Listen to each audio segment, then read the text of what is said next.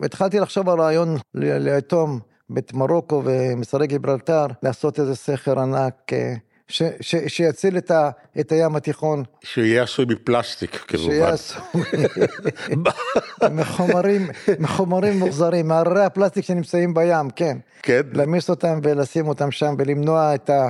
בעצם ה, ה, כאן אין לנו קרחונים בים התיכון. קרחונים נמצאים באוקיינוסים הגדולים, באנטארקטיקה, בקוטב הצפוני, קוטב כן. הדרומי.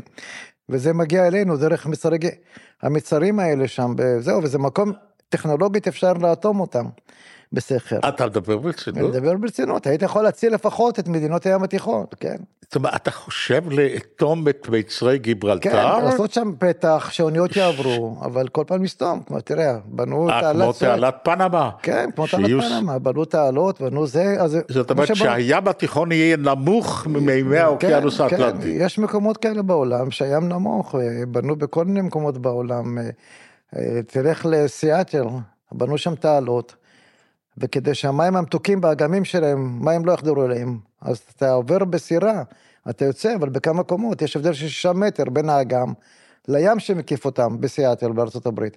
אז הם בנו כל מיני מנגנונים. יש היום טכנולוגיות שיכולות לעשות את זה, אם רוצים. שוב פעם, אם רוצים. שלום לכם, לפניכם הצנטרום של הפיילה. ההסכת, הפודקאסט של שנקר, הנדסה, עיצוב, אמנות. אני ירון לונדון, ובן צחי הפעם הוא צבי ימיני. צבי הוא תעשיין, הוא יזם, הוא ממציא, הוא יזם סדרתי. הוא אחראי על פיתוחם של רבים מהמוצרים הידועים, המוכרים של כתר פלסטיק. הוא הקים אחר כך את חברת צדיק א' ג', צג, אשר כל בעל מלאכה מכיר את הקופסאות, את תיבות הכלים הנהדרות שהיא מייצרת, והוא מכר את זה לקונצרן אמריקאי גדול, וכך ביסס את עצמו, וזה אפשר לו גם לפעול למען הציבור. הוא הקים אחר כך שתי חברות מצליחות, הוא משקיע, הוא מייעץ, הוא יושב ראש חבר הנאמנים של מכללת שינקר. הוועד המנהל. של הוועד המנהל. אה, הוא מרצה מבוקש, שלום לך צביקה, תודה שבאת אלינו. תראה, אני, אני קראתי כמה ספרים אה, פופולריים על, על יזמים, וכולם מנסים לענות על השאלה מהו uh, היזם הגנרי, זאת אומרת, מה הם תכונות אופיו של יזם טיפוסי, ואני מציע הגדרה משלי, זה איש שלא רובה נחת לעולם. כלומר, בכל דבר הוא רוצה מגרעת. ונדמה לו שהוא יודע כיצד לתקן את המגרעת הזאת, לשפר אותה, או להמציא מוצר שיחליף את החפץ הפגום הזה שבו הוא פוגש. אתה מקבל את ההגדרה שלי? בגדול כן, יש אה, סוגי יזמים שונים, עם מוטיבציות שונות, אבל ההגדרה שלך היא די מדויקת. אתה יודע, תמיד אני אומר שכל אחד מתהלך עם החור שלו שהוא צריך למלא. זה, כן.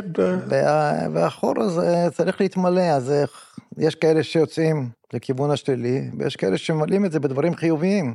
המעניין בקריירה שלך הוא שהיא מאוד מגוונת, אתה הכשרת את עצמך בעיקר, או לפחות בהתחלה, במוצרי פלסטיק. הפכת בוודאי למומחה לפלסטיקה. אבל היום אתה עוסק בתחומים אחרים לחלוטין, אתה עוסק בשאלות של רפואה. כן. זה נכון, אבל העיסוק שלי בפלסטיק או בטכנולוגיה של ייצור חומרים פלסטיים והפיכתם למוצרים אה, ברי קיימא, הוא מעניין, כי בשלב מאוד מוקדם הבנתי את הקשר בין אה, היכולת לעצב, לייצר מחומרים פלסטיים שונים ומגוונים, אי אפשר להגיד פלסטיק, כי זה עולם ומלואו כמו שאתה מבין, ולצרף לזה את הנושא של הדיזיין. אגב, כשאומרים לי עיצוב, אני לא מקבל את המילה עיצוב, כי המילה עיצוב בעברית היא לא מתרגמת את המילה דיזיין. ואפילו פניתי לאקדמיה ללשון העברית והצעתי להם לקרוא מילה חדשה, עיצוד, שזה עיצוב וחידוש ביחד, כי דיזיין מתעסק הרבה יותר דברים מאשר עיצוב גרדה, מאשר הפריים החיצוני והצורני. ו design מדבר על הרבה יותר עומק במוצר, ארגונומטריה כן, שלו. זה לא רק החן והנוי. כן, כמובן. זה הרבה, הרבה מעבר לזה, ויש בזה, אתה יודע, כשאמרתי למעצבים שלי, כשעשינו את המוצרים, אמרתי להם, המוצר צריך לחייך על המדף.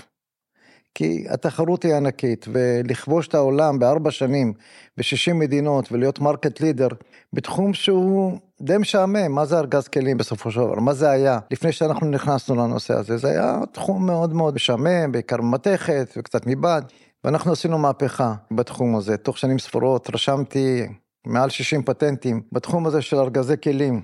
והפכנו את זה להייטק, ותמיד, אה, אתה יודע, היה לי ויכוחים עם המדען הראשי, כן להעניק מענקים ולתמוך בתעשייה המסורתית, ומה שהם קראו לואו-טק.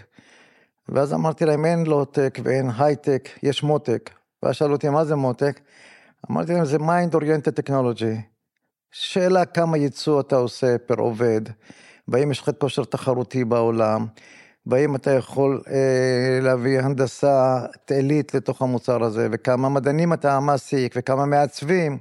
ואז אה, שכנעתי אותם, ועשו שינוי גדול גם בתפיסה של המדען הראשי, מה שהיה בזמנו המדען הראשי, אה, ונתנו תמיכה לתעשייה כביכול המסורתית, כדי לקדם אותה צעד אחד קדימה, והיה שינוי גדול מאוד לתעשייה. יש לי שתי ידיים שמאליות, אני, באמת, אם אני נועץ מסמר בקיר, יש להניח שהקיר יתמוטט. אבל אני מחזיק קופסה שלכם.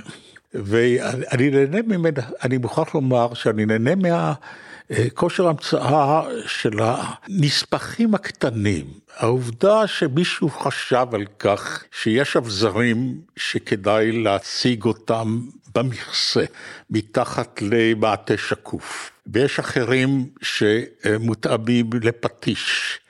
ואמרתי לעצמי, כמה תבונה אנושית, תבונה הושקעה במוצר הפשוט הזה לכאורה, בקלות שלו, קלות הנסיעה שלו, האופן שבו הוא נפתח, האופן שנסגר המכסה שלו. אני מבין טוב מאוד על מה אתה אומר, כי אני מכיר את המכשיר, אני מכיר את המתקן הזה. אתה מדבר על פרטים קטנים, אני אספר לך אנקדוטה. התעשייה האמריקאית מאוד כעסה על הום דיפו.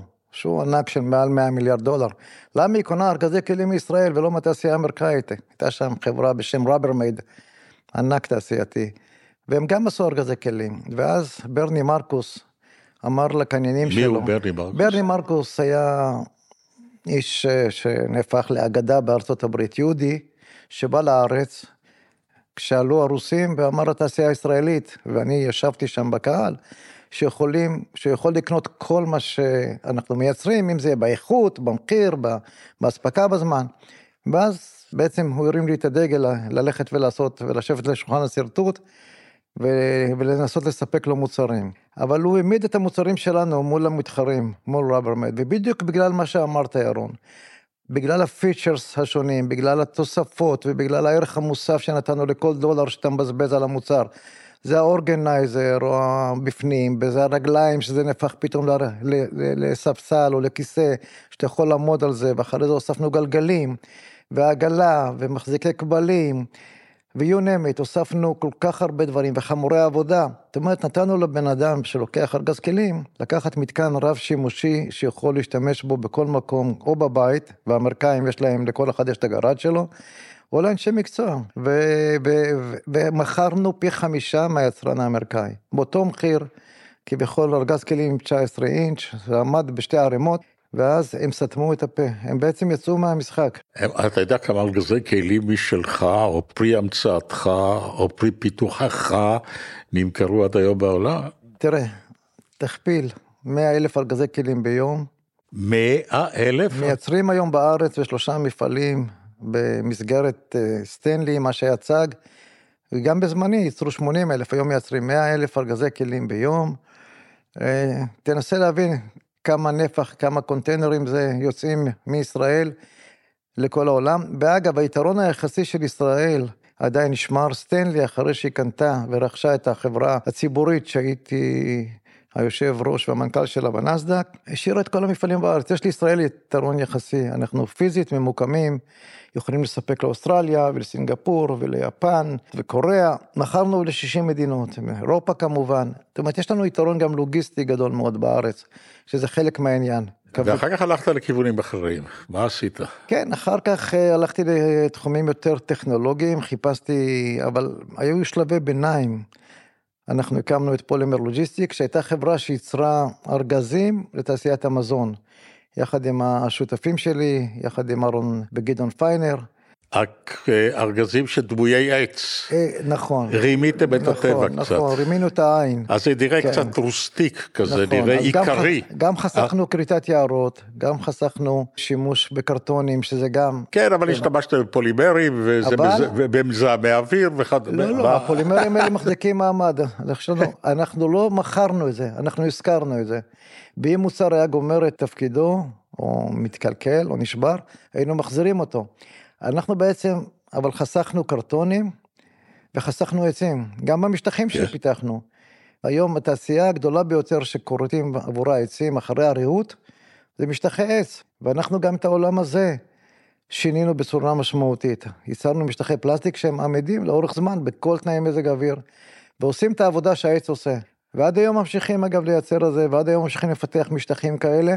ואז אני- ואני הלכת יכול להוכיח לך שגם בקבוק פלסטיק או מול בקבוק זכוכית, החתימה האנרגטית של בקבוק פלסטיק היא הרבה יותר נמוכה מאשר החתימה של הבקבוק זכוכית.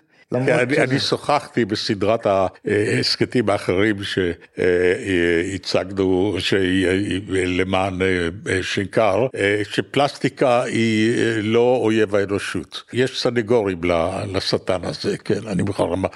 ואחרי זה מה עשית? טוב, המשכנו, המשכנו הלאה, אז אחרי זה הקמתי יחד עם סטף ורטהיימר, חברה בשם היידרו אינדסטריס, שלקחה אמנם את הפלסטיק, אבל הכניסה מנוע מפלסטיק. והמנוע הזה בעצם גלגל את הצינור בגינה. לכל אחד, ואני יודע שיש לך גינה יפה, לכל אחד שיש גינה, הבעיה הכי גדולה, בעיקר בגילנו המתקדם, זה לגלגל את הצינור. אהה, ואנחנו פיתחנו מנגנון שנמצא בתוך הגלגלת, מכוח המים שהוא מגלגל את הצינור.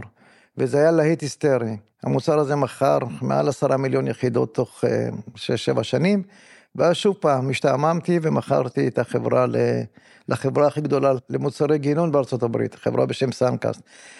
ואחרי זה בעצם תוך כדי התחלתי להשקיע ב- בחברות שעוסקות במוצרים, ב tangible product, שאתה יכול לגעת בהם, אבל בוא נאמר שהערך המוסף שלהם הרבה יותר גבוה.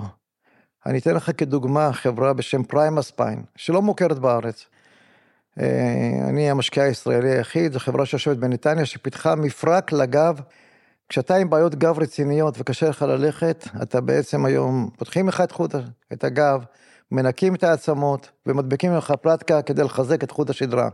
והפלטה הזאת מעבירה את הכאבים אחרי שנתיים לעוד אה, חוליה בחוט השדרה וכולי וכולי.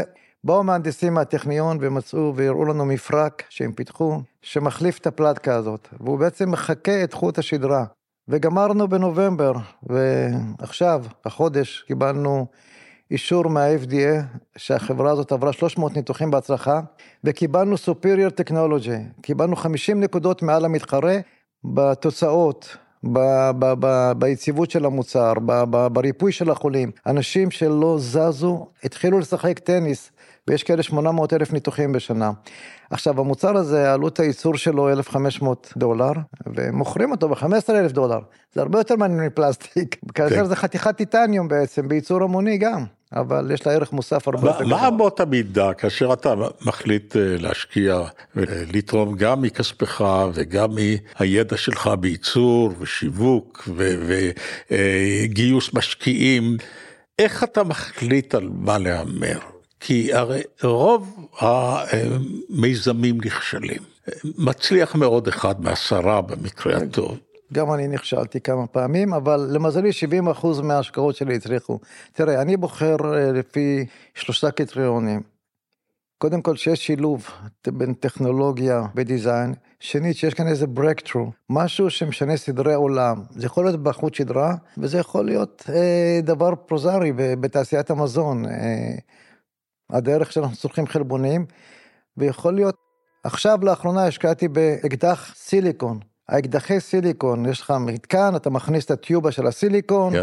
והוא באורך של בערך אה, 30 אינץ', ובא אליי בחור דרוזי עם רעיון ואומר, לא הצלחתי לבנות אקווריום לבת שלי, כי זה לא נכנס, לא הצלחתי לאטום אותו. ואמרתי לו, בוא ננסה לפתח את המוצר שבא אליי מוצר בסיסי, ובאמת, עבדו עליו ארבע שנים, והיום יש מוצר שגודלו עשרה סנטימטר שעושה עבודה יותר טובה, והוא נמכר כבר במאות אלפי יחידות, במחיר שהוא פי שלושה מהמוצר מתכת הפשוט שנמכר עד היום בשישה שבעה דולר, הוא נמכר בשלושים דולר. זאת אומרת, אתה עלית על איזשהו צורך ועל איזשהו מכשלה במוצר הקיים, והנה. זה אותו אי נחת שעליו דיברתי. כן, אותו דחת, ופתאום פרצנו לשוק. למה לעזאזל אני לא מצליח להדביק את האקווריום שלי? בדיוק. משם זה מתחיל. זה בא מצורך. אבל עכשיו אתה, אתה, אתה הוגה, יש לך זמן וגם אמצעים לחשוב על הצלת האנושות, והאנושות בסכנה גדולה.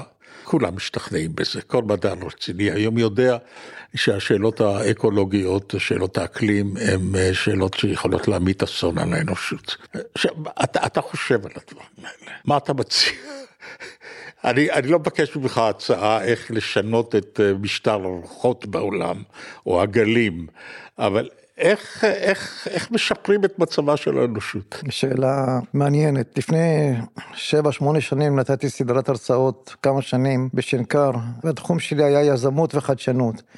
ואספתי סטודנטים ממחלקות שונות, מעיצוב, מטקסטיל, מהנדסה כמובן, ואמרתי להם, בואו נתמודד עם בעיות ונמציא מוצרים. אספתי קבוצות של חמישה מוצרים, ואז היה הצונאמי הגדול ביפן, פקושימה, האסון האקולוגי שנחשב אחד הגדולים בעולם אה, ביפן, רעידת אדמה, ואמרתי להם, מה הייתם עושים במצב הזה? בואו תיתנו לי פתרונות, מגיע גל, אתה יודע שתוך רבע שעה סוחף אותך גל אדיר ואתה בעצם לא, לא בחיים, איך אתה שורד? ובאו אליהם רעיונות מדהימים, אני חייב להגיד, ואחד הרעיונות שאפילו הצעתי לאו"ם לממש אותו, זה היה כדור שמתנפח, מוגן, שיש בתוכו גם סוללה, ויש בו קצת מים, ויש בו כמובן טלפון סוללה כדי להטעין את הטלפון, ואתה נכנס לתוכו, והוא מתנפח כמו הסירות המתנפחות האלה שאתה זורק אותן למים בזמן אסון, ואתה מוגן, וזה מגלגל אותך עם הצונאמי, אתה מתגלגל עם זה, ואתה מקבל מכות מהפלסטיק או מהגומי, ואתה מוגן. וזה היה פרויקט מעניין, ואחרים המציאו שולחנות שבעצם צפים, שאפשר בקלות להפוך אותם ל... אלמנט של שר. סירות הצלה? כן, כן סירות הצלה, השולחן נהפך לסירה, כן, אתה הופך אותו ואתה עושה לו את הידיעות מפרק והוא נהפך למשוטים. כל מיני רעיונות מדהימים, איך אתה יכול להינצל בזמן צונאמי. תראה מה קורה בפקיסטן היום, הם לא ידעו איך להינצל. אם היו להם שולחנות כאלה, שהיו נהפכים לסירות, או מין כדורים כאלה שהם יכולים לשוט בהם, אלפיים, או כמה אלפי אנשים שמתו שם, וילדים היו יכולים, היו יכולים להינצל. אבל אנחנו לא חושבים, ה-DNA שלנו של מיליוני שנים לא חושב על, אה, על מכות כאלה שנופלות עליך פתע פתאום. באיטליה, מדינה מעצמה כלכלית ותעשייתית, עשרות אנשים נהרגו בשבוע שעבר, גל גשם, תוך שעתיים 400 מילימטר גשם. אף אחד לא יכול לעמוד בזה, לא יכול לתכנן. אז אני אומר, כל בן אדם צריך לחשוב איך הוא שורד, קודם כל ברמה האישית, המשפחתית שלו, מה הוא צריך להכין בבית כדי לשרוד.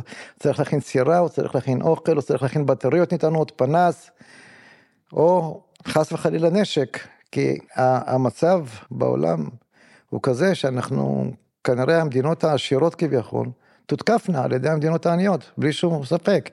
אם במצרים יש 120 מיליון איש רעבים, 80 אחוז מהם רעבים, או בהגדרה של חיים מתחת לקו העוני, זה יבוא לגדרות שלנו בסופו של דבר, לא נוכל למנוע את זה. לא תהיה שום, שום ממשלה שתוכל לראות באזרחים רעבים. אז uh, אנחנו, ההישרדות נמצאת עמוק במחשבות. הפילוסופיה שלך איננה עוסקת בהצלת כדור הארץ, אלא בהצלת התושבים עמידים של כדור הארץ. הצלת, תראה, אז אם התושבים העמידים ינצלו ויוכלו לחשוב איך הם גורמים למצרים, ישבתי עם שר החוץ של אה, האמירץ, הוא הגיע לארץ, השבת ישבתי איתו, והצעתי לו שנקים, נעשה כנס. הם דואגים מאוד ממצב העולם, הם מאוד דואגים, הם יודעים שמדינות עמידות לא יכולות להחזיק מעמד כשמסביב יום השר, כמו שאומרים. והצעתי לו שנעשה כנס גדול בנושא מזון וביטחון. אמרתי לו שאנחנו הישראלים יכולים לספק למצרים את כל צורכי המזון שלהם. בעזרת הטפטפות והחממות והתפלת מים, כל סיני יכולה להפוך לגן פורח, כמו כל הערבה, ויכול לספק גם עבודה למצרים וגם מזון, אבל צריכים מימון, אין למצרים מימון ואין להם מחשבה לטווח ארוך.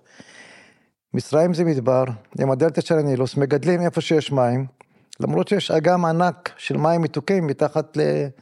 לחצי האי סיני, שאפשר להשתמש בו. אגם ענק, אינסופי כמעט של מים, שבמשך מאות אלפי שנים נאגר מתחת לאדמה. והצעתי לו, שבוא, והוא מאוד אהב את הרעיון. ואנחנו עומדים במרכז פרס, אני דירקטור שם, נקים כנס גדול, יחד עם האמירץ ועוד מדינות, שהוא נקרא מזון וביטחון.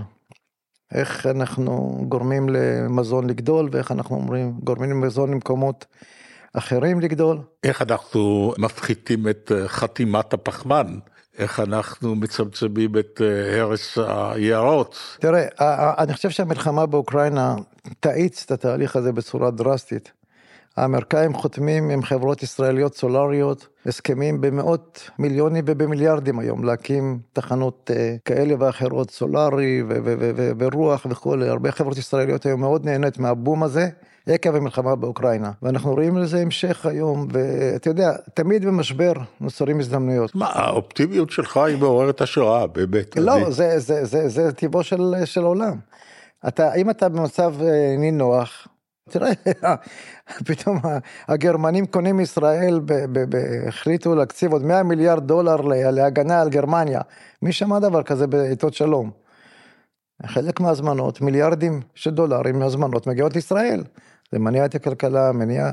ישראל במצב טוב יחסית, כי גם, אני יודע, לזכותו של הממשלה הקודמת, יש לנו מים מותפלים, יש לנו סך הכל, אה, unemployment הוא נמוך מאוד. אתה מחפש עובדים היום, אתה לא מוצא, בכל מיני תחומים, בהרבה תחומים. אז אם יש לך מים, ויש לך כלכלה, ויש לך מזג אוויר נהדר, אנחנו לא, עוד לא קיבלנו את המכות האלה שהעולם קיבל. בנושא גלי חום. רק אתמול התפרסמה, התפרסם התפרסמו תוצאות של אה, חקר שאומר שתוך זמן קצר, נדמה לי חמש שנים, אה, החופים בישראל הצטמצמו בגלל עליית אה, מי הים במטר. כלומר, לא יהיו בארץ, לא נוכל יותר, כמו ששנינו בילדותנו, ללכת לחוף גורדון ולהתרחץ בים. טוב, קודם כל אני גר, אני גר במקום הכי גבוה בתל אביב. על גבעה ביפו, אבל, אבל זה לא יקרה תוך חמש שנים. העלייה היא מאוד מאוד הדרגתית. תראה, כשקרחון נמצא בתוך המים, הוא כבר גרם לעליית המים. הבעיה זה הקרחונים שלא נמצאים בתוך המים. כי אתה יודע, חוק הכלים, ה...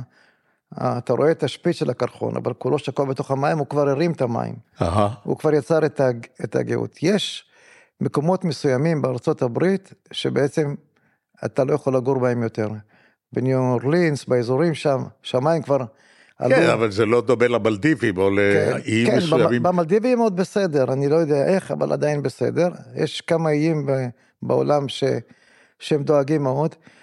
ישראל, התחלתי לחשוב על רעיון ליתום את מרוקו ומשרי גיברלטר, לעשות איזה סכר ענק. ש, ש, שיציל את, ה, את הים התיכון. שיהיה עשוי מפלסטיק כמובן. שיהיה עשוי מחומרים, מחומרים מוחזרים, מהררי הפלסטיק שנמצאים בים, כן. כן. להמיס אותם ולשים אותם שם ולמנוע את ה... בעצם ה, ה, כאן אין לנו קרחונים בים התיכון. קרחונים נמצאים באוקיינוסים הגדולים, באנטארקטיקה, בקוטב הצפוני, קוטב כן. הדרומי. וזה מגיע אלינו דרך מצרי, המצרים האלה שם, זהו, וזה מקום טכנולוגית אפשר לאטום אותם בסכר. אתה מדבר ברצינות? אני מדבר ברצינות, היית יכול להציל לפחות את מדינות הים התיכון, כן. זאת אומרת, אתה חושב לאטום את מיצרי גיברלטר? כן, לעשות שם פתח שאוניות יעברו, אבל כל פעם מסתום, כמו תראה, בנו תעלת... כמו תעלת פנמה. כן, כמו תעלת פנמה, בנו תעלות, בנו זה, אז... זאת אומרת שהים התיכון יהיה נמוך ממימי האוקיינוס כן, כן, האטלנטי. יש מקומות כאלה בעולם שהים נמוך, בנו בכל מיני מקומות בעולם. אה, תלך לסיאטל, בנו שם תעלות, וכדי שהמים המתוקים באגמים שלהם, מים לא יחדרו אליהם, אז אתה עובר בסירה, אתה יוצא, אבל בכמה קומות, יש הבדל של שישה מטר בין האגם לים שמקיף אותם בסיאטל בארצות הברית. אז הם בנו כל מיני מנגנונים. יש היום טכנולוגיות שיכולות לעשות את זה, אם רוצים. שוב פעם, אם רוצים. תגיד, איזה מין ילד היית? אני הייתי מאוד מאוד מושפע, אני בדיוק מספר שגדלתי... אני שואל איזה ילד כן. היית, כי הדמיון שלך פורץ גבולות. היית כן. ילד כזה שעוצם את העיניים וחולם על כן. קפטן נמו ועל ז'ול ורן? הייתי צריך לחלום הרבה, כי אושפזתי בגיל צעיר מאוד, לתקופה ארוכה בבית חולים, לחולי שחפת. מה שנקרא באר יעקב בזמנו, שהיה לחולי שחפת. כי לא ידעו איך לטפל בזה, עוד בקושי המציאו את הפניצילין ואת האנטיביוטיקה והייתה סכנת חיים וסכנת הדבקה של האחים שלי, של בן דרור שאתה מכיר, ויורם. אה, ובאמת אה, היה לי הרבה זמן לחלום, חצי שנה כילד, בגיל חמש. שחפת? מה, שחפת, הייתה, הייתה שחפת אז, כן. ולא היו פתרונות אבל. זה, גרתם, בצפון, נמצאו... גרתם בצפון תל אביב, במקום שהיום מגדלי כן, אקירוב, אם כן, אני כן, כן, כן. ושם ש... לקיתם בשחפת? לקיתי בשחפת, אני לא יודע מאיפה ואיך, אבל לקיתי בשחפת. וכשאושפז כן. בבית חולים, היה לך זמן ל... לחשוב, לחלום, כן, ואני חושב שזה מוביל אותי לאופטימיות הזאת. אחרי שאתה ניצל מדבר כזה, ואתה מורחק מהמשפחה ומההורים, כילד קטן. לכמה זמן? חצי שנה. או. זו הייתה תקופה ארוכה, והיה אפשר לבקר פעם בשבועיים שלושה, ביקור חטוף, כי לא רצו שמחלות יעברו. והיית צייר או שרטט או מהנדס? מה היית? לא, מה היו האותיות שלך? לא, לא, לא הייתי לא צייר, לא שרטט, הייתי בעל דמיון. הייתי בעל דמיון. אני תמיד אוהב, גם עד היום, אוהב לשבת ליד המעצבים, ליד המחלקות העיצוב. יש אה, גם את המוצר הראשון שעשיתי, שהיה להיט היסטרי, הבן שלי, שלמד בתיכון הנדסאים ברמת אביב, הוא עיצב אותו על המחשב, אני לא ידעתי לעשות את זה, לא היה לי את היכולת, ידעתי לצייר כמובן, לשרטט, אבל לא להפוך את זה למוצר, ואני אומר, יש אנשים שהכישורים שלהם ברמה הרבה יותר טובה משלי בתחום הזה. אני מדמיין איך זה צריך להיות, מה צריך להיות, מה הרעיונות צריכים להכניס, אבל יש אנשים שיודעים בפרטים לעשות את זה יותר טוב ממני, אני מקווה. למרות שאני גם איש של פרטים, כן, וזה היה דו-שיח עם המעצבים והמהנדסים תמיד, מה אפשר. אז מה, כיזם, כתעשיין, מה הפורטה שלך לדעתך? זה לדעת לנהל אנשים, לדעת להלהיב אותם, מה, מה, איפה, איפה הכוח שלך ואיפה איפה החסרונות שלך? כן, אני חושב שבסופו של דבר, אתה יודע, סיפרתי על ברני מרקוס ושאלתי אותו איך עשית את זה בגיל 52 הקמת אימפריה כזאת ענקית, הוא נבחר The Most Admired manager בארצות הברית על ידי הפורצ'ן מגזין, ושאלתי אותו, מה, מה, מה הסוד, איך עשית את זה? הוא היה בגיל 52 כשפיטרו אותו. אז הוא אמר לי, צביקה, לקחתי אנשים יותר טובים ממני סביבי. ואני משתדל לעשות את זה כל הזמן, לקחת אנשים שמבינים יותר טוב ממני בתחומים שאני לא מבין בהם סביבי, ודרך זה לבנות אימפריות קטנות. אנחנו בישראל, אל תשכח, אנחנו לא בארצות הברית. יכול להיות שאם הייתי בארצות הברית, הייתי מקים אימפריות גדולות. אבל ברמה של ישראל הקמתי, אה, אני גאה במאוד מה שעשיתי, ואנשים טובים, לתת לאנשים חזון, לתת לאנשים כיוון, לתת לאנשים הרגשה שהם שותפים, והם באמת לא הרגשה, הם היו שותפים. כשמכרתי את החברה, עשרות עובדים אה, קיבלו מניות וקיבלו, בנוסף למניות, קיבלו מאיתנו, מבעלי הבית, תשלום נוסף עבור העבודה שלהם והנאמנות שלהם. ועד היום, אגב, עד היום, כשאני בא לחברה וביקרתי בה עם שתי ילדים הקטנים שלי, יש לי תאומים בני עשר, בן ובת, וכל המנהלים הישנים התאספו סביבי, אחרי ש-15 שנה אני לא בחברה, והעלו נשכחות, ולפני שבועיים היינו במפעל גם בכרמיאל, היינו במשרדים, עשיתי להם סיור מה אבא שלהם עשה, כי הם לא מכירים את ההיסטוריה שלי. אז שיראו קצת את הארגזי כלים, קיבלו מתנות ארגזי כלים, מאוד, אה, מאוד, אה, אתה יודע, התרגשו לראות מה, מה אבא עשה, קיבלו איזה פרספקטיבה. ועד היום הרוח הזאת, ה-DNA הזה שאתה מכניס את האנשים, שאתה אומר, אל תתאהב במוצרים שלך, אמר פרופסור תום פיטרס. אל תתאהב במוצרים שלך. אל תתאהב במוצרים, never, אל תתאהב במוצרים, זה לא אשתך, אל תתאהב במוצרים שלך. פרופסור תום פיטרס אמר פעם, וזה היה משפט שתליתי בחברה, You have to cannibalize your own product before somebody else do. אוקיי. Okay. וזה, אתה צריך להרוג את המוצר שלך לפני שמישהו כן, אחר. כן, אתה צריך לאכול אותו, אתה צריך לזלול אותו. כן, כן. כן, וזה המשפט שמלווה אותי בכל התעשיות. יש שתי שאלות שאני נוהג להציג לאורחים שלנו בפודקאסט הזה, ואחת היא, אם הייתי חוסם בפניך את, בדיעבד, את דרך ההתקדמות שלך, את המסילה שבה נעת, אבל פותח לפניך את כל האפשרויות האחרות המדומיינות, במה היית עוסק? מוזיקה. אה. מוזיקה, בלי ספק. הילדים שלי מנגנים בפסנתר שניהם בני עשר וחצי, וזה כל החלומות שאני לא הגשמתי. בחיים אנחנו משתדלים להעניק להם, הם לא כל כך אוהבים את זה, אבל הם מנגנים יפה מאוד כבר כמה שנים. מה אתה אוהב במוזיקה? אתמול הייתי בבית ספר, בבית ספר לטבע, והייתי גאה, שני הילדים שלי ניגנו קונצרטים קלאסיים לכל, להורים ול-1500 איש. והייתי מאוד גאה בזה, אבל זה הייתי, הייתי עושה, הייתי לומד מוזיקה, אני חושב שמוזיקה היא דבר שגורם לריגושים הכי גבוהים שיכולים לגרום לבן אדם. דבר שני שהייתי עושה, אולי הייתי רופא. הייתי מרפא אנשים. היום הייתי בבדיקות תקופתיות בבוקר באיכילוב, ויש לי חבר, פרופסור נדיר, שהוא ראש המחלקה גסטרולוגיה ידוע, הוא אומר לי, המצאתי תרופה לקורונה, אבל זה לא רק תרופה לקורונה, אני הולך לרפא המון מחלות עם התרופה שלי, כבר הגעתי 2, והייתי מאוד גאה בו. הוא חבר אישי, גם תרמנו לו למחלקה, אשתי ואני. אה, המחלקה למניעת סרטן, כשהוא הקים, אני הבאתי אותו בזמנו לדבר עם פרס אצלי בבית, ופרס השתכנע שיש בזה ממש, וזו מחלקה שעוסקת במניעת סרטן. וכדאי לכל אחד להיבדק שם, כי זה באמת, הוא, הוא מגלה עשרה אחוז מהאנשים, הוא מגלה משהו. Mm. רוב, רובנו לא רוצים שיגלו להם. אבל... כן, זה רפואת יתר זה נקרא. רפואת יתר, אבל מבק... רפואה מונעת. זה, זה מה שקורה אגב בהולנד, יש חובה. ללכת אז לבדיקות. אתה באמת, החיים שלך זה בתחום, בתחום המקצועי שלך זה סדרה של הצלחות מפליאות. איפה נכשלת? ככה כישלון עמוק, רציני, כואב. היו חברות שסגרתי, הייתה חברה מדהימה שנקראת MVT, Multi Vision Technology שהשקעתי בה והרבה זמן והרבה כסף. אה, ואיך שהיא לא צלחה, פתאום הגיעו מסכים אחרים, דיגיטליים, והכל נהיה זול.